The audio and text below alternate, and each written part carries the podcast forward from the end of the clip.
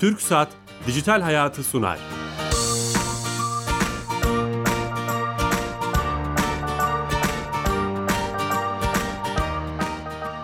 Herkese merhaba, ben Bilal Eren. Teknoloji, internet ve sosyal medyanın daha geniş anlamda dijitalleşmenin hayatlarımıza etkilerini konuştuğumuz programımıza hoş geldiniz.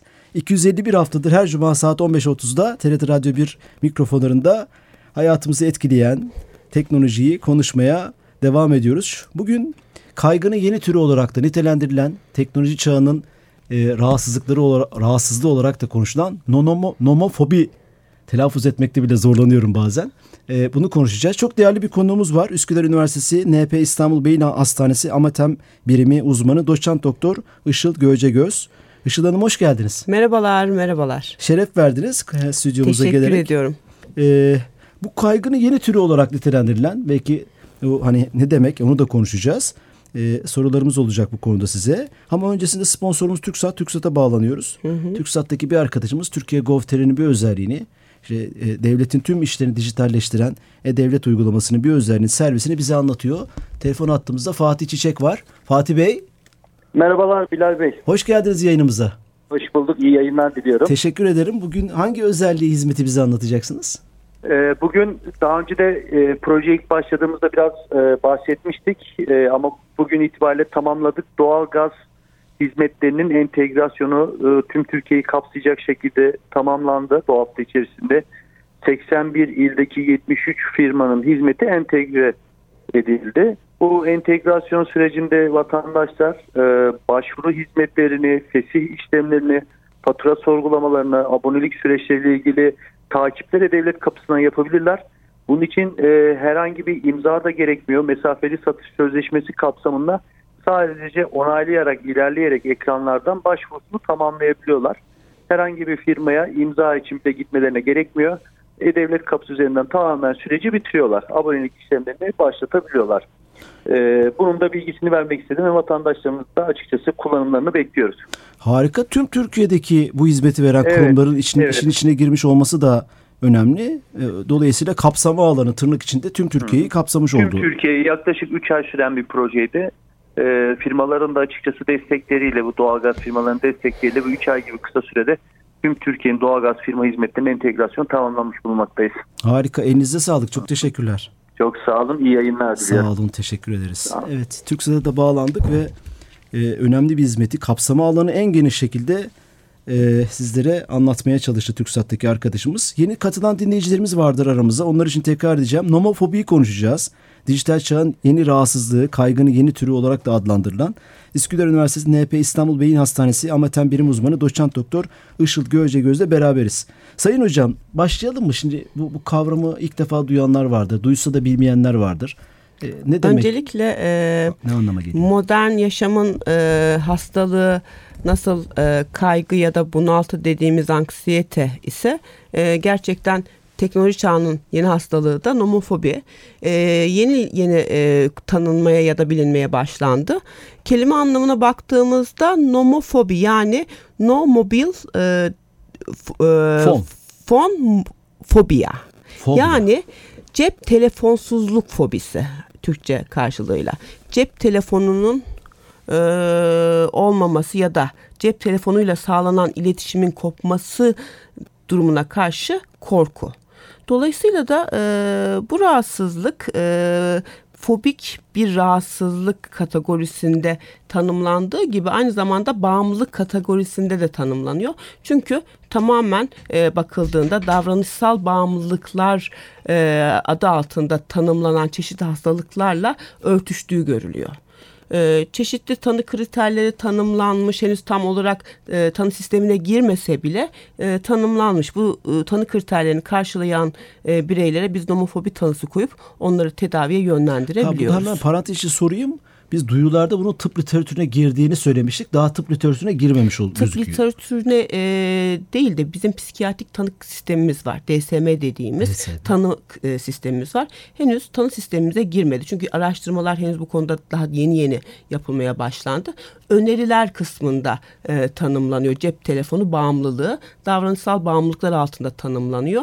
E, ve kumar oynama bozukluğu dediğimiz davranışsal bağımlılık olarak tanımlanan ve bağımlılık sınıfına alınan bozukluğun tanı kriterlerinden esinlenerek oluşturuldu e, ve e, oldukça da sık görülüyor aslında. Şimdi şu ya belki e, e, bu konunun ortasından soru sormak lazım.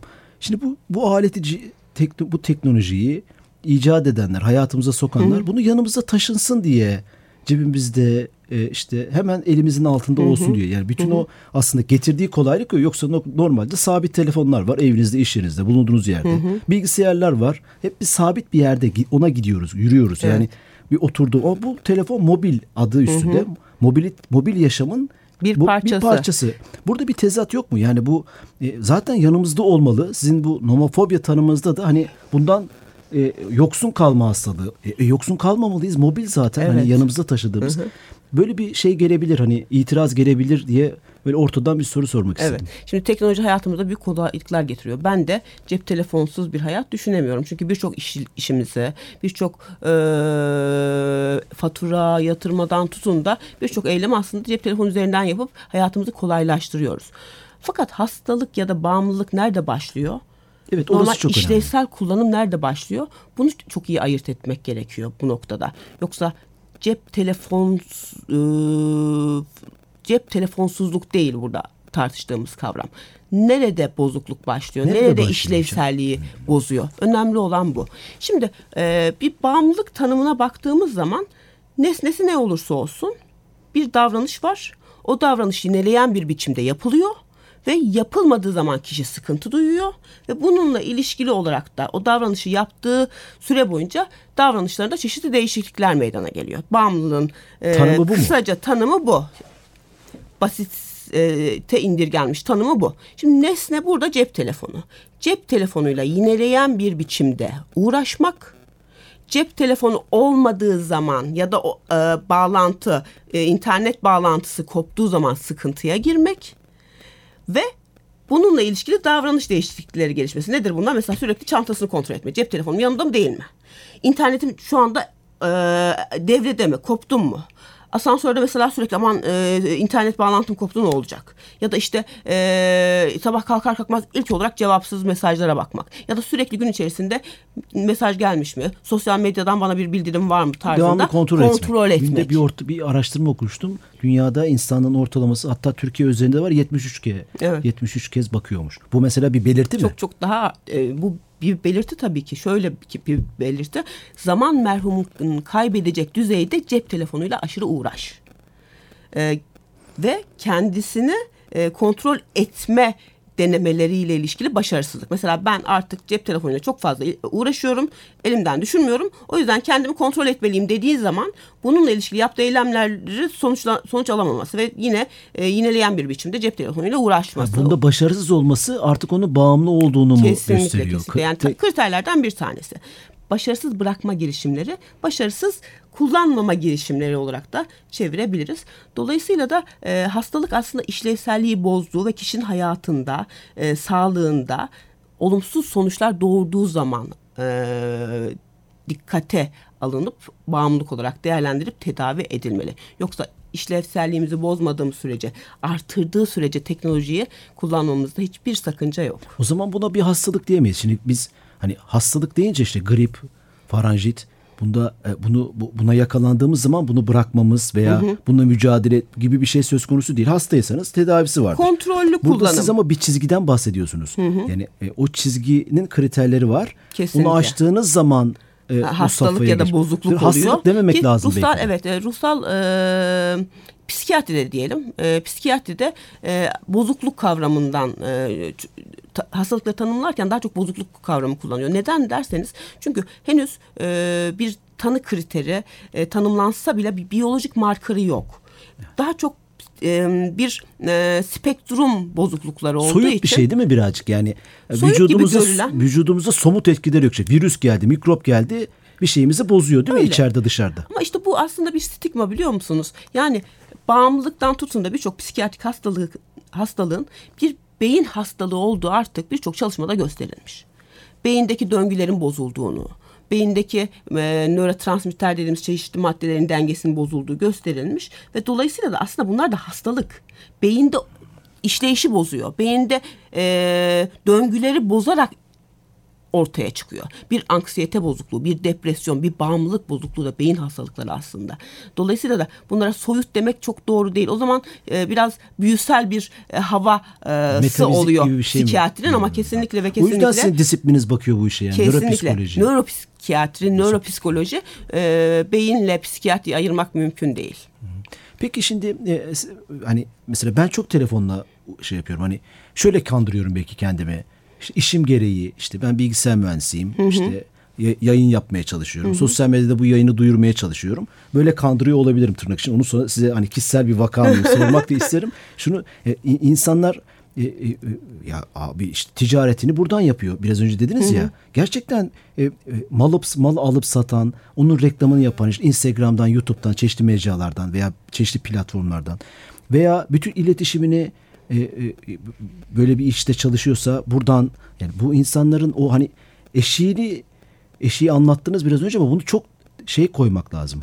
Yani bu, buna bağımlı olup iyi işler çıkaranlar da var. Kesinlikle. Hayatını kazananlar var. Kesinlikle. Şimdi cep telefonu kullanımıyla ilişkili yapılan çalışmalara baktığımızda psikiyatrik ya da psikolojik çalışmalar bir de satış pazarlama çalışmaları. Şimdi satış pazarlama çalışmaları neye odaklanır? Ben bu ürünü çok satayım. Doğru. Amaçlar odur. Onu çok satmak için neyi araştırır? Kişilere nasıl haz vereceğim de bu ürünü sattıracağım. Bununla ilişkili aplikasyonlar, uygulamalar, e, yok kamera sistemini daha güzel koyayım, yok işte şunu yapayım, bunu yapayım diye insanların talepleri doğrultusunda uygulamalar koyar. Şeylerden bahsediyorsunuz Üreticilerden, Üreticilerden ve bunun içindeki yazı, evet, yazılımcılardan. Evet. Psikiyatrik ya da psikolojik araştırmalar neye odaklanır? Nerede bağımlılık başlıyor? bağımlı olması için ne olması gerekiyor ve ben bunu nasıl tedavi edebilirime odaklanır ve bununla ilişkili çalışmalar daha çok yapar. Ee, işte nomofobiyi anlamak için aslında buradaki çalışmaların hep bütününü bir e, gözlemlemek, değerlendirmek gerekiyor. Çünkü birisi hazzı size sunuyor. Siz o hazzı satın almak için mobili alıyorsunuz. Diğeri ise o hazzı sun, sunulan mobilin e, hastalığını değerlendirip ona göre size yardımcı olmaya Çok çalışıyor. zor işiniz hocam. Kesinlikle. Dolayısıyla da aslında çatışan iki e, alan var e, ve e, bireyler de e, işlevsel olarak kullanabiliyor. Kimisi kullanamıyor, bağımlılık tanı kriterlerini karşılıyor ya da bağımlı oluyor. Dolayısıyla da o ayrımı yapmak çok çok önemli. Ama mobil kullanımıyla ilişkili baktığımızda sosyal iletişim için kullananlar var. Sosyal iletişimden kastım sanal ortamda kendini var edebilmek daha ünlü olabilmek, daha iyi müşteriye fenomen olabilmek, fenomen olabilmek ya da müşteri kazanabilmek. Bunun için kullananlar var. Ya da e, bir sosyal gruba girebilmek için statü olarak kullananlar var. Ya da sadece iletişim için kullananlar Doğru. var. Ya da sadece e, uygulamaları için kullananlar var. Ya da güvenlik için kullananlar doğru, var. Doğru. Güven dolayısıyla da bunların hiçbirisini hastalık olarak tanımlamak doğru değil. İşte hastalık ya da bozukluk e, noktası işlevselliği bozuyor mu? Kişinin hayatını etkiliyor mu da başlıyor. E, fiziksel, ruhsal bozukluklara neden olup sosyal hayatını, sosyal işlevselliğini, bireysel işlevselliğini, kişiler arası ilişkilerini bozuyorsa o zaman O zaman şunu anlıyorum başlar. hocam. Biz bireysel olarak yani biz buna karar veremeyiz bunun bir uzmanını Mutlaka. uzmana bakacak Mutlaka. bu işe veya Mutlaka. bunun bir testi olacak. Mutlaka. Yani ben nomofobi hastalığı veya türev hastalıktan yakalanmadım diyen kişi de yakalanmıştır. Yakalanmış olabilir. Kendisi kendisine tanı koyabilir mi? Şöyle yapabilir. E, tehlike sinyalleri alabilir. Mesela e, telefonların çoğunda şey sinyali var farkındaysanız. Telefonun bugün ne kadar yüz yüze geldin. Yeni yeni geldi o özellikler. Evet. İki, hem Apple'da hem Android'de evet. de var. Kaç saat kullanıyorsun? Kaç saat kullanıyorsun? O raporlardan bahsediyorsunuz. O raporlara baktı. Aman tanrım ben ne kadar çok kullanmışım. E, gittikçe cep telefonuna bağımlı hale geliyorum deyip kendini kontrol etmeye çalışan bir yer, bireylerin sayısı çok fazla. Hatta soranları. Bu hep tartışılıyor zaten evet. sosyal çevremizde. Bir araya geldiğimizde bunu konuşuyoruz kesinlikle. yani. İşte onunla ilişkin neler yapılabilir belki önce konuşabiliriz. Bireysel olarak biz neler yapabiliriz? Mesela e, cep telefonunu e, çalar saat olarak kullanmayalım. Kalktığımız zaman ilk işimiz cep telefonuna temas olmasın. Çünkü çalar saat olursa kapatmak için. Hocam e, yatağımın yanında durması gerekiyor. Çünkü çalar saat. Doğru. Size böyle mi geliyorlar evet. ya da işte e, gün içerisinde ona ulaşabilemeyeceğiniz bir ortama koyup iki saat boyunca cep telefonundan uzak duracağım gibi e, dijital detoks gibi bir kavramla bu evet. tanımlanıyor ama e, ya da hafta sonu şu kadar süre e, cep telefonundan uzak duracağım diye kendine bir takım e, kurallar koyup ona uymaya çalışmak belki bir başlangıç olabilir. Bunları yapamıyorsa zaten mutlaka bir uzmana danışmalı ve uzmandan destek almalı. Ama işin gerçeği de kimse ben cep telefonu bağımlısıyım deyip gelmiyor. Nasıl Maalesef. gidiyorlar? Bu çok güzel bir aslında sizin örnekleriniz yaşanmış deneyimler Kesinlikle. çok kıymetli. Şimdi e, böyle vakalar yok ama bize gelen vakalar depresyon, anksiyete gibi psikiyatrik bozukluklar. Şimdi bu psikiyatrik bozuklukları değerlendirdiğimiz zaman biz nasıl alkol kullanıyor musun, madde kullanıyor musun gibi bir soru soruyoruz ya geniş bir öykü almak için. Evet. Mobil kullanımın nasıl? Cep telefonuyla ilişkin nasıl?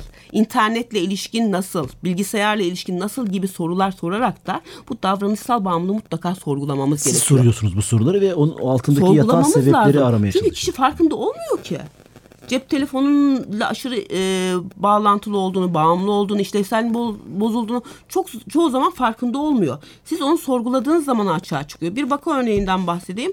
Depresif bozukluk fakat sürekli ve sürekli e, dalgınlık, zihinsel olarak performansını e, ben demans mı oluyorum, ben Alzheimer mı oluyorum, ben bunu yormuyum hocam. Böyle bir hastanız geldi. Evet. Depresyon tanısıyla takip ediliyor ve tedavisine başladı. Normalde depresyonda da bu e, pseudo demans dediğimiz unutkanlığın tedavi edilebilir bir tipi görünüyor ama e, depresyonu tedavi edildikten sonra da bu tip yakınmalara devam etti.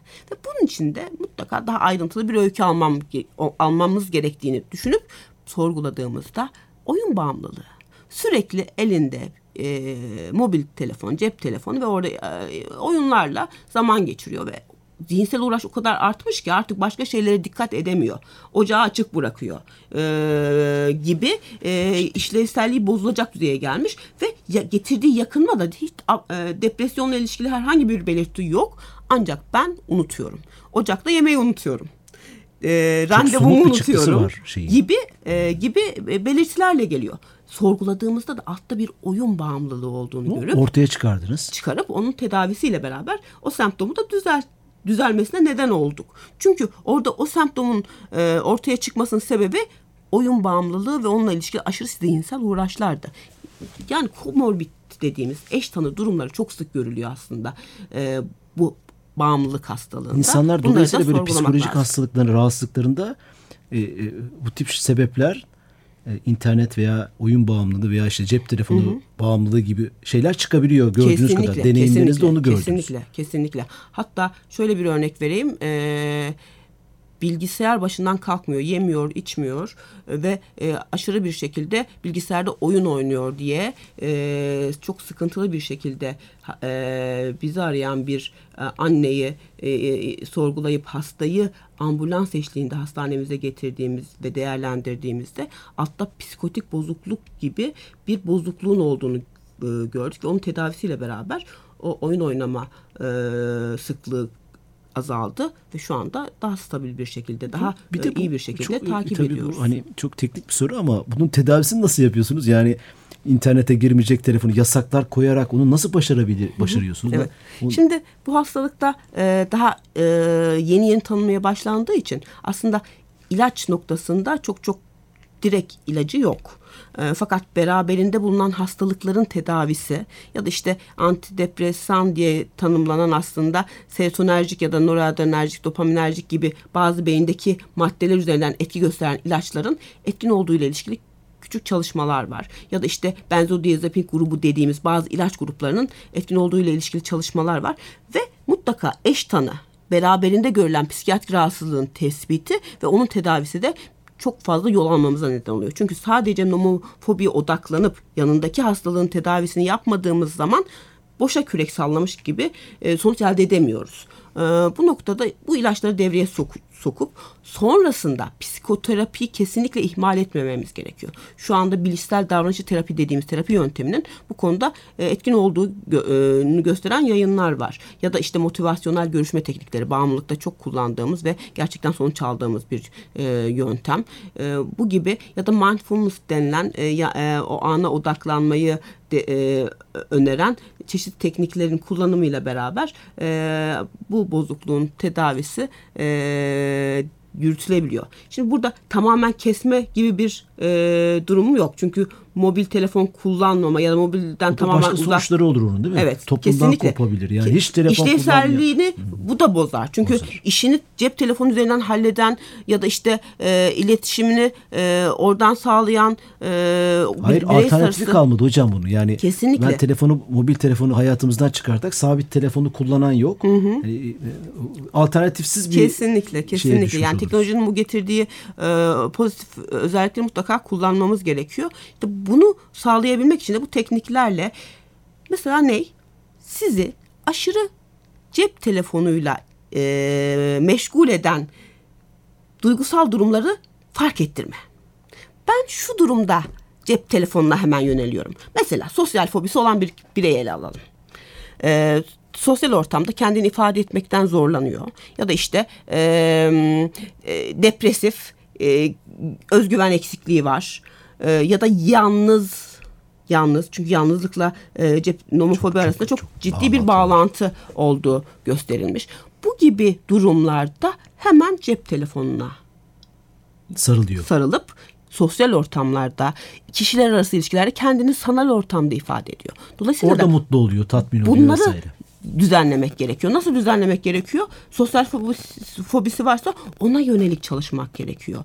Sosyal e, e, daha sağlıklı sosyal ilişkilerini kurması için ona psiko eğitim vermek gerekiyor. Ya da işte bilişsel çarpıtmalarını tespit edip onları düzenlemek gerekiyor. Nedir bu bilişsel çarpıtma? Genellemeleri oluyor ya da işte e, bana baktı, bana güldü, benim hakkımda konuşuyorlar tarzında çeşitli e, çarpıtmalar vardır. Bunları düzenlemek belki de o sırada o kaygıyı yaşayıp cep telefonuna sarılmasını engelleyecek. E, bunlara fark ettirmek yol almamızı sağlıyor. O yüzden bu terapi tekniklerini mutlaka ve mutlaka ilaç tedavisi alan ya da almayan hastalara eklemek gerekiyor. E, ve bir yol sonuçta bu yol. Hastayla beraber devam etmek Gördüğüm gerekiyor. kadarıyla sizin disiplininiz de bu konuda arayışlar içinde. Yani Kesinlikle. iki kere iki bir matematik gibi uygulanabilir veya e, vücudumuzdaki hastalıklar gibi tedavi yöntemlerinden ziyade sizin de hani deneyerek Kesinlikle. her hastaya özel E, belki bireyselleştirilmiş tedavi. bireysel, öyle mi deniyor buna? Evet, bireyselleştirilmiş tedavi çok önemli. Hasta var, hasta e, var. Hastalık yok, hasta var. Bunlar kulağımıza sık sık çalınan e, cümleler değil mi? Gerçekten de öyle. Yani bir hastayı kendi bazında değerlendirmek gerekiyor. O hastanın kişilik özellikleri, aile yapısı, sosyal çevresi, işi, eğitim düzeyi, ekonomik düzeyi hepsi bir bozukluğun, bir rahatsızlığın oluşmasında ya da de, e, oluşmasında ya da işte e, şiddetlenmesinde etki edebilecek faktörler olabiliyor. Onları mutlaka ele almak, değerlendirmek ve bu noktada e, tedaviye almak gerekiyor. O yüzden bireyselleştirilmiş tedavi çok çok önemli. Öncesinde tabii ha- hastalığını kabul etmek gerekiyor herhalde. Kesinlikle. Ka- bireyin kendisini kabul etmesi yani. Gördüğüm kadarıyla bu şeylerden hani e, belirtilerden bahsettiğiniz kadar benim mesela çevremde var böyle insanlar. Yani Ama farkında değil. Ben hasta şey- değilim diyor. Bu, değil şey- mi? evet evet bu şehir hayatının getirdiği koşuşturmada, yalnızlaşmada sadece Türkiye'de değil dünyada da işte rakamları okuyoruz. İngiltere'de Yalnızlık Bakanlığı diye bir bakanlık olmuş. Yani o kadar çok yalnız insan var. Bu ama elimiz işte hayat bize sunulan bu teknoloji e, buna bir çözüm olarak da sunuluyor. Yani ben senin yalnızlığını şey yapacağım, bitireceğim, seni mutlu edeceğim. Do- Dolayısıyla şey ilk önce bunu kabul etmek gerekecek Kesinlikle. herhalde. Şimdi bağımlılıkta e, hastayla karşılaştığımız zaman ne yaparız? Öncelikle farkındalık düzeyine bakarız. Genelde nomofobide farkındalık öncesi dönemde oluyorlar. Farkındalık öncesi dönemde kişiler hasta olduğunu kabul etmez. Ben hasta değilim ki. Kendimi kontrol edebilirim dedir. E, oradaki bir hastaya sen bağımlısın deyip tedavi almak çok zordur. Tedaviyi sürdürebilmesi zordur hastanın. Dolayısıyla İnanmıyor öncelikle ki çünkü. onu farkındalık düzeyine getirip ondan sonra da eylem düzeyine kadar taşıyıp öyle tedaviye almak gerekiyor. Bu noktada da işte psikoterapetik teknikler çok çok e, önemli. Fark ettirmek önemli. Hayatından neleri götürüyor, neleri getiriyor. Bunları fark Top- ettirmek önemli. Şey de hocam toplumsal farkındalık da e, mesela kendi ülkemiz için konuşayım. Belki yakında nasıl sigara içilmeyen alanlar var.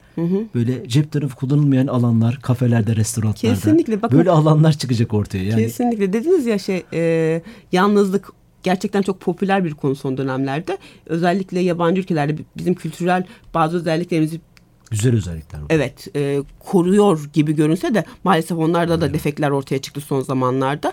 Ama yurt dışında yabancı ülkelerde gerçekten yalnızlaşma büyük bir problem ve bununla ilişkili önlemler alınmaya çalışılıyor. Bununla ilişkili aplikasyonlar geliştiriliyor. Sonuçta cep telefonu yalnızlaştırırken aynı zamanda tedavi anlamında da kullanılmaya çalışıyor. Dolayısıyla ortaya çıkan yeni kavramlar nasıl tedavi edilecek? Belki ortaya çıkaran faktörle tedavi edilecek birçok birçok birçok alanda yeni yeni bu, zaman bu devam edecek çıkıyor. bir yolculuk. Peki dinleyicilerimizden ya bu söylediğiniz belirtiler bende var veya işte ben de bu konuda müzdaripim veya çocuğum müzdarip, eşim müzdarip. Bir online veya internet üzerinden bir çevrim içi test var mı? Yani bunu illa hemen fiziki olarak sizin hastanenize mi gelmeli? Ne yapmasını öneriyorsunuz son bir dakikada? Ee, bununla ilişkili iki ölçek e, var şu anda kullanımda olan. Akıllı telefon bağımlılık ölçeği ve problemli e, internet kullanım ölçeği. Bunlarla ilişkili işte e, değerlendirme yapıyoruz ve e, bağımlılığı var mı yok mu saptayabiliyoruz ama sadece ölçek yüzde yüz kanıtlar mı? Hayır öyküyle, hastayı değerlendirmeyle hepsini kombine olarak değerlendirip ona göre tanı koyup tedavi almak gerekiyor. Uzman olarak size gelmesi lazım. Kesinlikle. Uzmanlara görünmesi gerekiyor. Eğer kendi kontrol edemiyorsa ve sosyal olarak sıkıntıya yol açıyorsa mutlaka evet, ve mutlaka hocam. bir uzmanla psikiyatrik e, destek almalı. Hocam çok çok güzel bir sohbet oldu. Hani e, çok olumlu şeyler çıkmadı belki ama olumsuzluk da insana Daha yeni yeni veriyor. bir konu olduğu için aslında evet e, konuşulması gerekenlerin Çok şey var aslında... ama süremizin sonuna geldik. Evet. Üsküdar Üniversitesi NP İstanbul Beyin Hast Hastanesi Amaten Birimi uzmanı doçent doktor Işıl Göğecegöz hocamızla beraberdir. Tekrar şeref verdiniz. Nomofobiyi konuştuk. Ee, ama programımızın süresi bitti. İyi, iyi hafta sonları. Hoşçakalın.